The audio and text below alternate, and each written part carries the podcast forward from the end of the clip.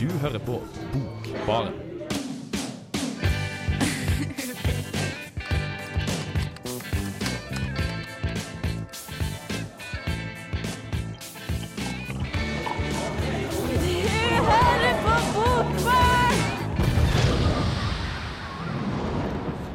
Hei og velkommen til Bokbarn. Vi tar opp av tråden der vi forlot den ferje tirsdag, vi rett og slett, og fortsetter med vår eh, føljetong om erotisk litteratur. Og følgelig så er vi samme sexy trekløver i studio. Eh, hei, Johannes. Halla. Og halla til deg, vår felles venn og litteraturviter Even Teistung. Halla. Halla. Vår erotiske link. Jeg, vi Ja. det. Jeg håper da Vi ikke må det. bygge litt myter om oss sjøl, sånn som de gode folkene i her litteraturen gjør. Ja, ja, vi, ja, men det er fint, ikke sant? Vi etablerer som sexy personligheter på radio. Ingen som veit, faktisk. Nei. Hvorvidt vi er det eller ikke. Har du hatt Ingen. eh, Nei, nei, det, nei, det er ingen. Har du, har du lest noe spennende den siste uka, da? Um, for meg så har det ikke blitt så mye nytt, egentlig. Men Even, du har vel med noe greier? Ja, nei, jeg har jo i forkant av dette forberedt meg litt, da. eh, Og dykka litt ned i, eh, hva skal man si, det, kanskje det 20. århundrets erotiske eh, høydepunkt av tiårene, som er 20-tallet. Eh, Og lest eksempelvis Georges Batailles 'Historien om øyet' eh, og Louis Aragons 'Irenes fitte', blant annet. I tillegg til en forløper for disse, altså Gilema Apollinaires eh, 'En amorøs reise', som det heter på norsk. Ja. Men eh, som eh, opprinnelig i oversettelse ville hett 'De 11 000 pikker'. De 11 000 pikker? OK. Ja, spenstig. Nei, jeg tenkte å ha et spørsmål, Even, for at du, du som er eksperten her og har med det mest, eh, mest nye materialet her. Ja, takk. Eh, Så det jeg tenkte å spørre om da var, eller kanskje begge dere vet om det, så vi har fokusert veldig på Frankrike i dag. Og er det på en måte den, i den litterære tradisjonen vi finner det her greiene her, den erotiske litteraturen i vestlig litteratur, eller det finnes vel, finnes vel i, altså, det er jo engelsk romantikk og sånn, og som, eh, Ja, men eh, noen spesiell grunn til at vi fokuserer på Frankrike, det var mest det jeg spør om. ja, det er vel egentlig fordi Frankrike er mest kjent for å ha de her også erotiske klassikere om, fra og med Marquis de Sade. Og så er det, som vi skal prate litt om i dag òg, så har på en måte de herre eh, Ja, Bataille Aragon har plukket opp at erva ifra Sade, da. Og som noe, på en måte kanskje noe, noe typisk fransk, at det har blitt etablert som noe typisk fransk, da. På, på den måten. Um, og I forlengelsen til det, for ferje tirsdag så prater vi jo veldig mye om Hasse Eller ikke veldig mye, vi prata sneide innom temaet at eh, de her erotiske narrativene om Marquis de Sade og sine samtidige antagelig inspirerte realismen. 1800-tallets realisme med det her strenge kravet om sannsynlighet, troverdighet, at det, den skulle gjengi verden og virkeligheten slik den faktisk var. Og, og når de her surrealistene og med Aragon og Bataille har tatt opp at erva fra Sad, så har de jo plassert det i en egentlig sjangre som har helt andre formkrav. Surrealismen, ekko fra psykoanalysen. Det er snakk om det eh, underbevisste, og det er på en måte en, en vending innover som er utrolig spennende. Men det skal vi prate litt grann mer om. Eh, først så skal vi høre The Velvet Undergrounds 'Some Kind of Love'. Det var eh, Velvet Underground, det. Eh, vi er jo langt inne i erotikken. Eh, og vi har kommet over i, til det ja, 20. århundre, over på, på 1900-tallet. Og det som skjer eh, fra 1800 til 1900 er jo egentlig ganske store omveltninger. Verdt å nevne er jo det at litteraturvitenskapen slik vi kjenner den i dag, begynner å få form, ikke sant? Og du får modernismen med et par eh, underismer. Eh, som en reaksjon på, på realismen og naturalismen og den her ekstreme, ekstreme fokuset på egentlig ytre historisk kontekst. Da. For det, det her med å ville fange mennesket tar jo litteraturen med seg inn i, inn i det 20. århundret. Mm. Jeg tenker på um, Vi nevnte jo Nietzsche i forbindelse med Sadd i stad. og Du har jo Du, har jo, du nevnte um, psykoanalysen, ja. Freud og Nietzsche. Så tenker jeg at det er veldig sånn vending mot uh, det psykiske mennesket, da, som er Ja, nei, for øh, Om man skal si det sånn, da, så er jo det jeg opplever som litteraturens kall kanskje fra romantikken og utover, er jo å finne essensen i mennesket. Det har jo sannsynligvis vært det før også, men å finne hva som er liksom, hva, hva vil det si å være, da. Eh, og med den hva skal si, bruddestetikken som dukker opp med modernismen, som jo også er veldig vesentlig. Det bruddet med det foregående, det forsøket på å skape det nye. eh, eller og liksom finne en mer autentisk kjerne. Da. Så de ismene som kommer i kjølvannet egentlig av, eh, av første verdenskrig, kanskje innleda med dadaismen egentlig, og det, på en måte den kunstneriske friheten som følger av det, så går man inn i kunsten for å finne noe som er Jeg vet ikke om autentisk er riktig ord, men noe som er liksom det, det virkelige væren. da.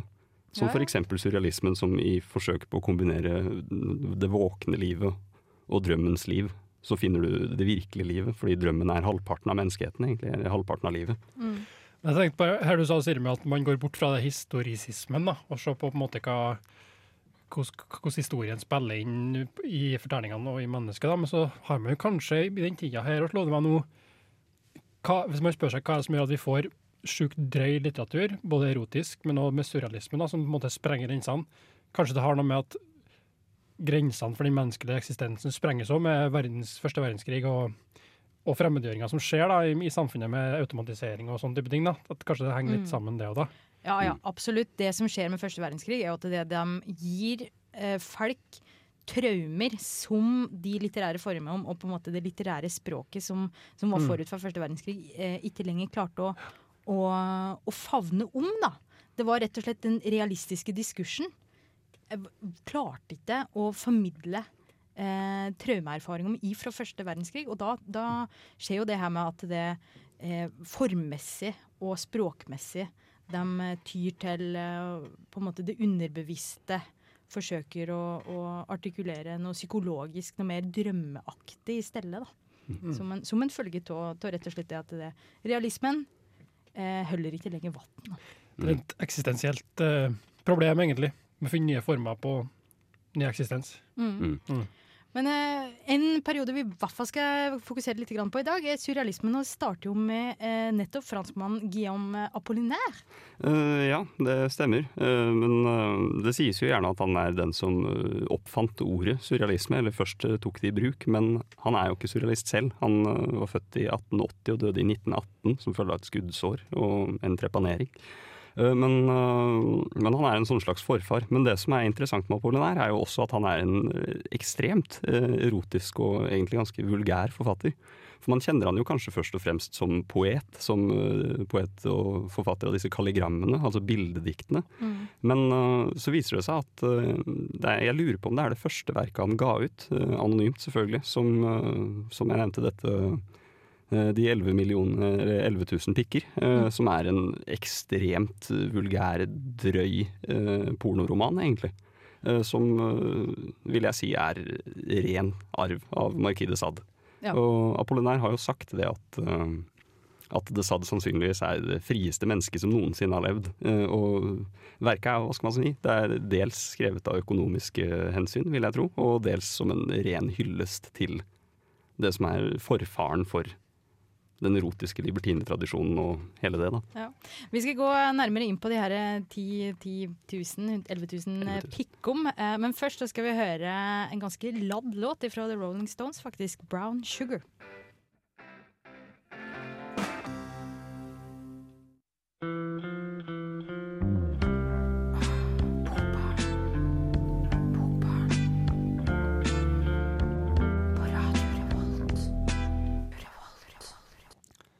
Cornabø befalte den vakre brunetten å spre lårene. Han hadde mye bry med å gjennombore henne på hundevis. Hun led fryktelig, men stoisk, og slapp ikke pikken til Ashalup som hun sugde på.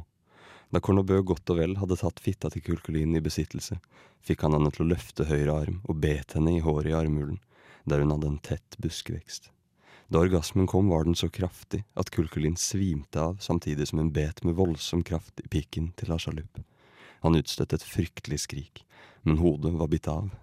Cornabø, som akkurat hadde fått utløsning, dro pikken bryskt ut av fitta til Kulkulin, som falt bevisstløs på gulvet. La var i ferd med å få blø. Min stakkars La sa Cornabø, du er ferdig, det er best å krepere straks, og han trakk en kniv og ga La et dødelig stikk mens han ristet de siste dråpene med sæd som hang på pikken over kroppen til Kulkulin. La Chalup døde uten så mye som å si uff. Det er ganske mye grafiske og eksplisitte detaljer eh, i det her, for det var et utdrag fra Apollinaires eh, roman Eh, En amorøs reise, som den heter Ja. på norsk, men de 11 000 pikker. De 11 000 pikker. Vi, nei, vi, la oss holde oss til en amorøs reise, kanskje det høres hakket penere ut. Ja. Men, eh, men det her er da nesten ikke erotikk lenger, dette er da nærmer seg pornografi her. Ja, det, håper jeg, det går jo kanskje over kanten for det også, og blir ren hva skal man kalle det, exploitation på engelsk. Eh, Ren fremvisning av groteskhet og håper å si, ikke ondskap heller, men bare dyriskhet i mennesket. Det er jo, håper å si, det er vanskelig å vite hva man skal kalle det. Men hva tenker dere forskjellen på det, da? På erotikk og pornografi? Jeg tenker at det kan gå litt da, Er det det du tenker på, Siri, at det på en måte handler bare om hvor eksplisitt det er? Hvor eh, grafisk det er, som du sa? Eller Det da, sånn, ja. litt og kanskje hensikten i her stor grad det passer godt inn i narrativet. For som vi så hos Markide Sad eh, forrige tirsdag, så har det jo på en måte en de, de her erotiske scenene inngår i et større filosofisk prosjekt, da, for å f.eks. framvise kjerkas hykleri da, eller uh, dobbeltmoral. Mens her så blir det, som, som Even sier, kanskje bare explicit uh, exploitation. Da. At det, det, det skal ha en effekt i seg sjøl. Og Ja. Ja, okay. potensielt pirre eller frammane kåtskap, da, men jeg veit ikke om det her Mm. så Ok, sånn, ja, Da forstår jeg hva du mener, men jeg tenker kanskje mm, i, tråd med det du sa i stad, om at liksom det nye eller det vi snakka om i stad, nye former med Jeg vet ikke om Apollinær kan kalles dadaist eller surrealist, eller hva den kan kalles, da, men kanskje det er prosjektet? da, Å på en måte sprenge nye grenser. da. Sånn, øh, Kanskje er det ikke noe stor filosofisk idé bak det å skrive om pikk og fitte, men, øh, men bortsett fra det, at gjøre det fordi at det finnes et åpent, det er et ledig rom der da, i litteraturen. Ja, nei, for Det jeg tror det går på, er å si 50-50. At på den ene siden så tror jeg det er rent økonomiske hensyn, for han var lutfattig og trengte penger. Og da skriver man noe som sjokkerer, og så vet man at det selger uavhengig av litterær kvalitet. Sånn som Fifty Shades. Eh, Men eh, så tror jeg også det er, som jeg nevnte, en hyllest til Marquis de Sade og til den litterære libertine tradisjonen i Frankrike, som jo Jeg vil tro sånn, selv om vi hovedsakelig kjenner Marquis de så vil jeg tro det er flere som har skrevet, og som folk har lest, og som har blitt en greie som man ser tilbake på som en sånn ekstrem utfoldelse av liv. Da. Eh, Og at, eh, ja, som du sier, da, det å sprenge grenser, det å på en måte uttrykke det ekstreme, er jo sannsynligvis en del av prosjektet. Ja, for det, det lurer jeg på. Er det en, er det en god roman? Jeg ville kanskje sagt eh, nei. Eh, Det, det var utrolig underholdende på sitt eh, bestialske, ubehagelige vis. Man blir jo konfrontert med en del ting. Og oversetteren Ragnar Hovland har sett seg nødt til å klippe ut enkelte deler av boka som han syntes var for drøye. Så da har han bare satt noen prikker og så heller forklart det i fotnoter. Men, men hva skal man si, det er så vidt det er et plott. Altså Plottet det er en, eh, en rundreise i Europa hvor eh, hovedpersonen eh, Moni Vibescu skal, skal man si, pule seg gjennom hele Sentral- og Vest-Europa, egentlig. Mm. Og så havner han i intriger og komplotter i Serbia, og han havner i den russisk-japanske krigen i 1905-1906, eller når det var. Eh, og ender opp med å bli henretta til slutt. Fordi han ikke får knulla nok, og fordi han spretter opp magen på en soldat og alt mulig rart. Det, det går liksom den veien hele tiden.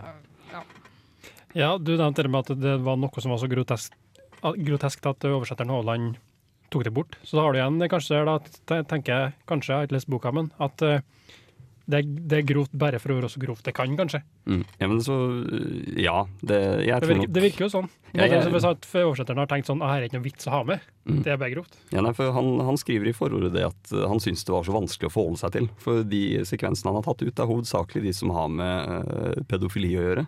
Mm. Uh, og det er jo å si, det er jo forståelig. Det er jo ikke sånn at jeg føler at det er noe man trenger å lese. Eh, det, er jo, det er på en måte kanskje en etisk grense som tråkkes over, egentlig, i hva som er greit å eh, gjøre narr av i erotikken og brutalitetens navn. Mm. Men det er eh, ja, pornografi eller provokasjon kanskje for, ja, for at Apollinær skulle tjene litt penger, og, og for å kanskje sprenge noen grenser. Eh, vi skal bevege oss litt grann videre og prate om George Bataille og historien om øyet, men først så skal vi høre en veldig sexy låt. Eh, The Doors med 'Touch Me'. Det var i denne perioden Simone utviklet manien med å knuse egg med ræven. Hun anbrakte seg for anledningen med hodet ned mot setet i en lenestol, ryggen mot rygglenet og bena sprikende mot meg, som runket for å sende sæd i ansiktet hennes. Jeg plasserte egget like over rumpehullet, og hun forlystet seg med å vugge det frem og tilbake i den dype sprekken.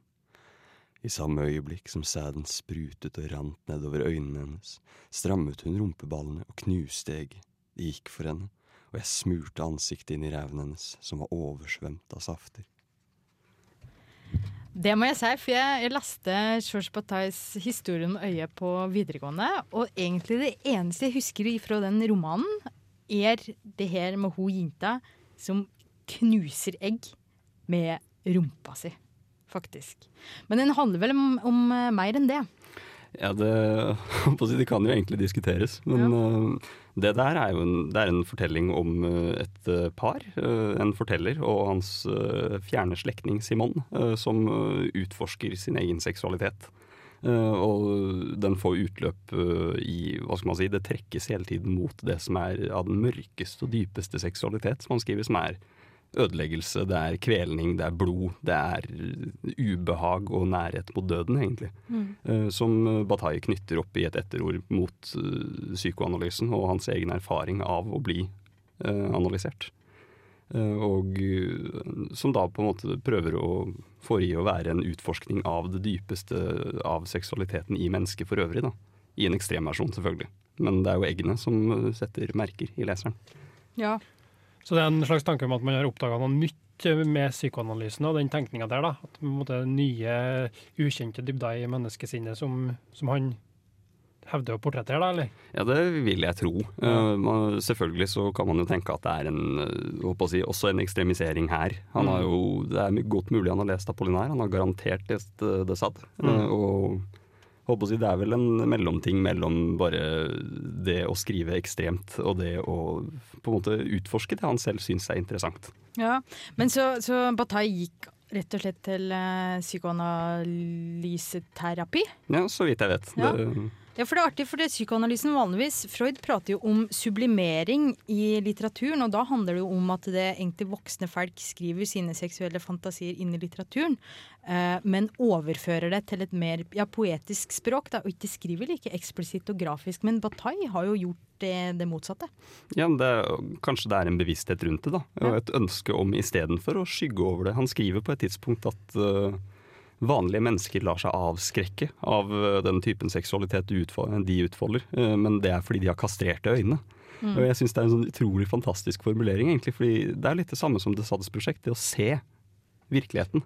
Egentlig, Å se seksualiteten for det den er, og den er knyttet til et, en sånn slags dødens overskridelse. Og Så er det jo vanskelig å lese seksuelle fantasier, eller underbevisste seksuelle fantasier inn i et like eksplisitt narrativ òg, da kanskje? Ja, jo, selvfølgelig. Så, men det, det, er kanskje et, et lite poeng på sida. Men eh, Bataille er jo kjent for uh, erotismen. Um, en slags filosofisk retning, egentlig. Og det skal vi prate mer om, men først skal vi gå til pause, og så etter det høre Marvin Gaye. Jeg heter Anne B. Ragde og er forfatter. Og når man er forfatter, så hører man selvsagt på Bokbarn så ofte man har anledning. Vinden hadde avtatt, og en del av stjernehimmelen kom til syne. Det fikk meg til å tenke på at døden var den eneste utgangen for denne ereksjonen. Og hvis Simone og jeg var døde, ville det universet som var skapt av våre utholdelige, personlige visjoner, nødvendigvis erstattes av disse rene stjernene, uten forbindelser til et blikk utenfra slik at de kjølig kunne realisere, uten menneskelige forsinkelser og omveier, det som forekom meg å være endemålet for mine seksuelle utskeielser, et geometrisk, blant annet som skjæringspunktet mellom liv og død, værende og intet, og perfekt, blinkende, hvitglødende lys. Så det, det, vi egentlig hører her, er at det, på en måte, det optimale for ereksjonen er døden?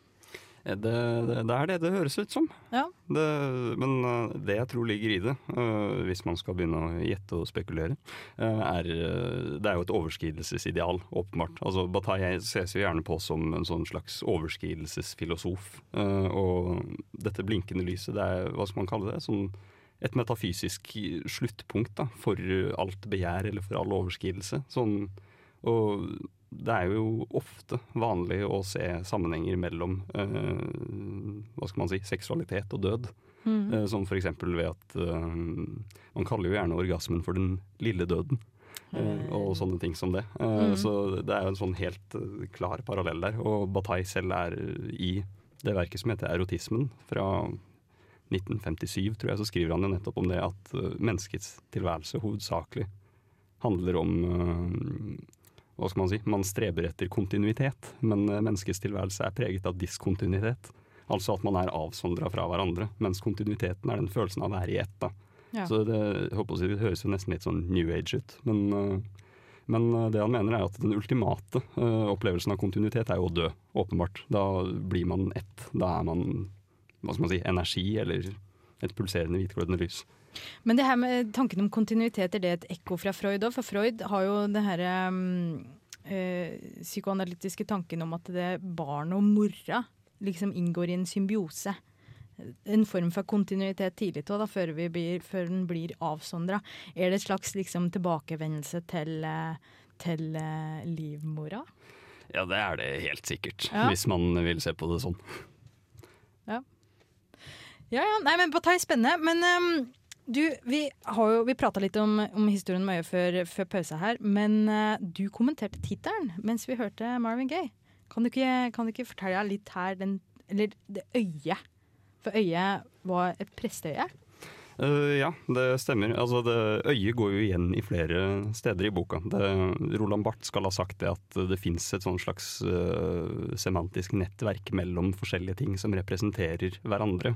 Eh, og det mest åpenbare er disse eggene fra opplesningen i stad. Eh, så egget er formet som øye. øye, egget, og så solen dukker opp som, eh, som en erstatter. Og det kvinnelige kjønnsorganet gjør det. Oksetestikler gjør det. det. Det liksom er hele veien der. Men boka ender i en sekvens hvor de drar inn i en kirke.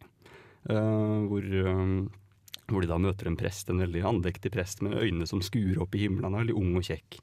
Så går denne Simone inn i eh, skrifteboksen, eh, og så viser det seg når hun eh, etter hvert river opp døra til presten, at han sitter der med ereksjon når hun har fortalt om alle syndene sine.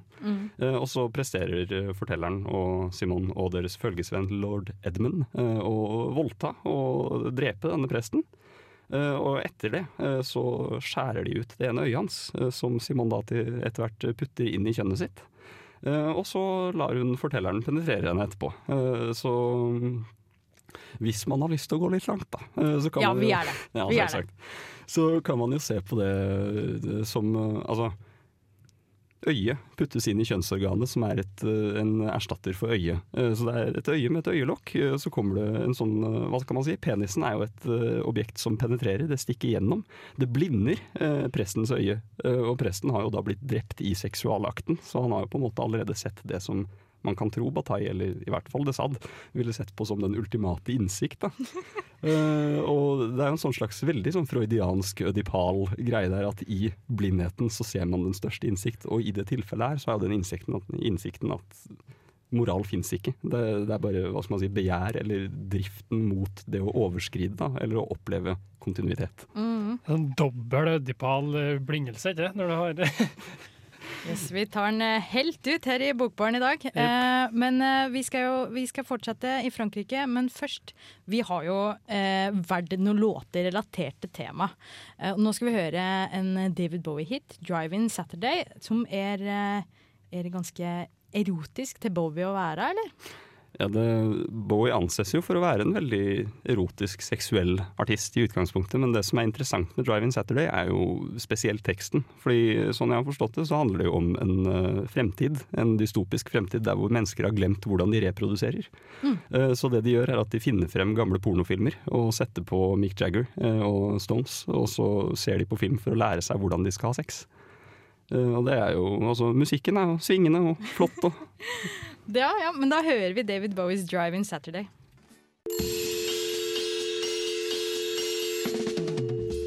Bokbarn. Det stemmer. Du hører på Bokbarn, og i dag har vi sending om eh, erotikk. Eh, og vi har holdt oss veldig i Frankrike, og det skal vi gjøre litt grann til, for det er jo en, eh, En annen eh, fransk eh, 1900-tallsforfatter som heter Louis Aragon, som har skrevet 'Irenes fitte', uh, heter den boka. Og den er uh, eh, egentlig en litt sånn annen måte å skrive erotikk på enn det vi har sett på tidligere. Mm. Ja, det, Irenes fitte er jo på en måte hva skal man si, en motsats til historien om øyet. De kom vel ut i samme år, 1928. Eh, Men eh, der hvor historiene historien om øyet er jo episodisk, men med klare som sånne fortellinger i hvert kapittel. Egentlig veldig sånn tydelige narrative tråder. Mens eh, Irenes fitte på sin side er, det er fragmentert. Det er stream of consciousness og høymodernisme på eh, alle plan, egentlig. Ja, eh, jeg tenkte bare lese litt fra første kapittel her, for det er jeg veldig glad i. Eh, men det er egentlig bare en mølje med ord som er assosiativt satt sammen til setninger uten noe særlig punktering. Eh, og, og slutten ender da med Rumper, dritt, spy, sopere, sopere, råtne svin, hestekastanjer, urinlake, ekskrementer, blodig spytt, menstruasjonsblod, griseri, rumpesvette, kliss, snørr, sikkel, dere, dere puss og gammelmøy, avskyelig, puss, hovne bleier, sprukne blærer, mugne slappe, bedritne fitter, bedritne hvitløksrap. Og til slutt en appell. Hvis dere bare har, dere bare har elsket én eneste gang her i verden, ikke vekk meg hvis dere har elsket. Er Slags eh, barnslig stream of consciousness, er det ut som. Ja, Er det barnslig, eller er det egentlig ganske oppfinnsomt? Bedritne hvitløksrapp. Jeg syns det, det er litt artig. Du syns det er Helmål? Bra. Dette er Jeg likte det. god litteratur. Ja. Nei, ja, men det er, det, er noe, det er noe litt annet, da.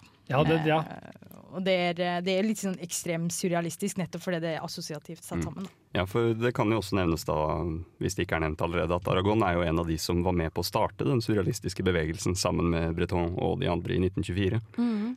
Og eh, det forholdet mellom drømmen og våkenheten er jo veldig tydelig her, for det må jo sies at boka starter med eh, frasen 'ikke vekk meg'. Mm.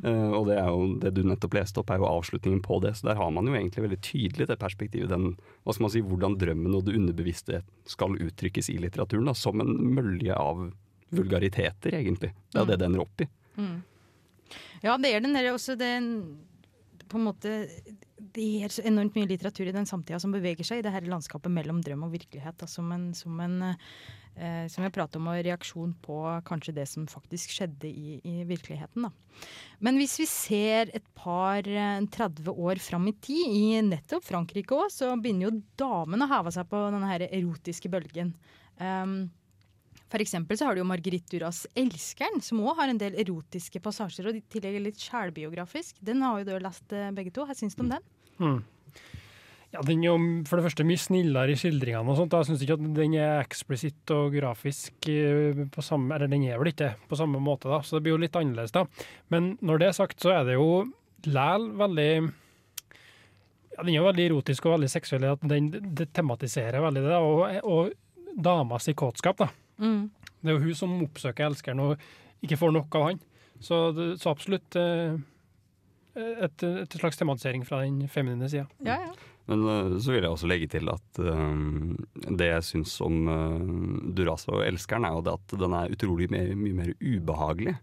På et vis, for selvfølgelig, det er sånn Bataille er ubehagelig, Sad er ubehagelig, men der er det så utrolig overdrevet hele veien. Det er utrivning av øyne og tarmer og alt som er. Mens øh, i Duras tilfelle så er det jo en sårhet. Det er jo en sånn slags utrolig sterk emosjonell kjerne som ligger i det. Og som, hva skal man si, det er jo på en måte hennes, eller fortellerens følelsesliv og seksualiteten er utrolig nært knytta der, egentlig.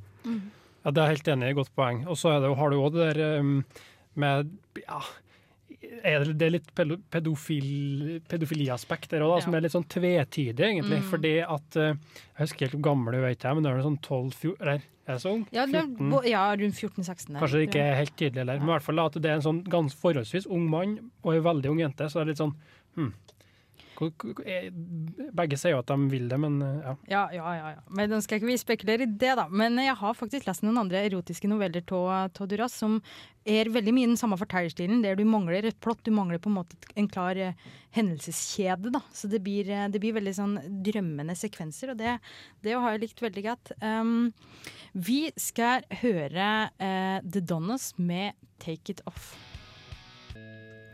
Take It Off synger The Donnas en ganske åpenbar appell til alle karer der ute. Um, vi skal jo runde av vår erotiske føljetong her nå, dessverre. Det har jo vært en spennende reise gjennom flere hundre år med, med erotisk litteratur. Uh, ja, vi, vi, har jo lest litt Sade, litt Bataille. Jeg lurer på, Er det noe av det du har lest som du har lyst til å gi en, en, et bifall til, eller for å si det på fransk, en chutem? Jeg kan jo begynne som kun har lest eh, Justine av De Sade, og ja, den vil jeg bifalle at folk skal lese. Det ja. tenker jeg bare for å sjekke ut De Sade og hva han eh, rota, med, rota rundt i. og på grunn av at, som vi snakka om, at det på forrige sending, at det er solid, solid bok. Mm. mm. Ja, nei, jeg, jeg, husker ikke om jeg sa det, men jeg leste et eller annet sted at uh, dersom man er interessert i litteratur uh, og ikke går inn i Desad, så gjør man et eller annet alvorlig feil, egentlig. Og det syns jeg for Desad var overraskende bra lesning. Jeg, jeg, sitter igjen med en følelse av at jeg har lyst til å lese mer, selv om jeg vet at det jo er drøyere og drøyere og drøyere. Eh, og hva Bataille angår, det syns jeg faktisk er veldig, veldig, veldig bra. Eh, sånn, selvfølgelig Det har sine litt sånn svake sider, og man må tåle en del ting, men det, det er gøy. Irenes fitte, det samme. Ja. Det, men det er, det er, på en måte ikke så nødvendigvis alltid så pirrende litteratur så det er verdt å lese kun for erotikken, men mer for det, de, de filosofiske prosjektene som de her forfatterne faktisk har. da. Ja, eventuelt bare som håper å si, eh, bilder av hva som er skrevet, og hvor langt man kan gå i eh, tematikker man tar opp og sånne ting. For håper å si, jeg, jeg skal ikke si at jeg sitter og filosoferer mens jeg leser Bataille. Det er mer at jeg, jeg lar meg på en måte rive med av historien, og så grøsser jeg litt og gufser meg litt, og så tenker jeg det her er jævlig ekkelt, og så leser jeg videre.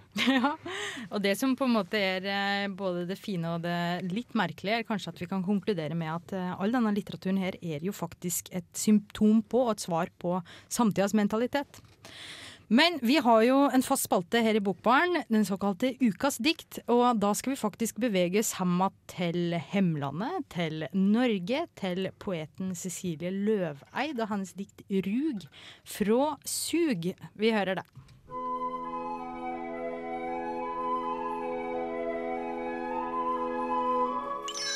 Ukas dikt. Hvis jeg var en rugåker, ikke en datter og du var en mann, på tur, var jeg sådd så tidlig og kommet så langt at østavinden fikk tak så jeg kom i bølger. Ville du komme i mine bølger da? Ja, plutselig sto du der som jeg drømte i blå klær, mørke, barter og høye slagstøvler ved kanten av meg. Så fløy du, med, buk, med buksiden tett over rugsnert så varm at det duftet nystekt brød. Jeg åpnet meg nye steder i lange, buktende ganger, høyere, bølger. Så måtte du se på klokken der du fløy, måtte vite hvor lenge du hadde holdt deg svevende. Det ble et søkk etter deg i knekkete aks, kroppens flaksende avtrykk i falløyeblikket. Men jeg har flere mål, land og en fantasi som har overlevd et uendelig antall med eventyr. Takk, eh, takk for det, Johannes. Her, eh, her syns du om det her eh, diktet, Even? Eh, det, det, da jeg leste det i første omgang, så vet jeg ikke helt hva jeg syns. Det, det, er jo en åpenbar erotikk i det. Men uh, da, da, du leste det opp nå, Johannes, så det åpenbarte seg som utrolig vakkert å høre på, egentlig. Det var uh, god opplesning. Takk for det, men jeg er enig i det du sier. For det var litt sånn for meg, det var litt sånn, ja, det er noe åpenbart seksuelt her, men hm, hva er det? For det er veldig svevende og, og litt sånn ja, uklart, føler jeg på noe vis. At det ikke er helt uh, Det er noe spiker i kista Metaforisk sagt. Nei, ja, det, og så kan jo jeg få være ærlig, da. Det er jo jeg som har valgt dette her. For jeg syns ja. faktisk det er eh, Det passer sendinga veldig bra. Og det er den Det er hele tida den impliseringa av noe erotisk. Det er ikke den der, ja, eksplisitte gjengivelsen tonografisk, da, men mm. det impliseres, og det syns jeg egentlig at det er liksom eh, ganske sånn delikat gjort. Og det mm. overlater, overlater, på en måte fantasien til, til leseren, da. Mm. Som, eh, som, jeg syns faktisk at god erotisk litteratur bærer gjør. Mm. Det, det, kan du si. Det kan du si. Og så er det noe rugåkere og greier og, og Komme i bølger. Å komme i bølger, ja da. Nei, vi får uh, si tusen takk for, uh, for, oss i dag. Takk til Even, jo, takk til Johannes og takk til Rebekka. Vi avslutter med en ganske cheesy låt. Uh, Spinal Taps 'Sex Farm'.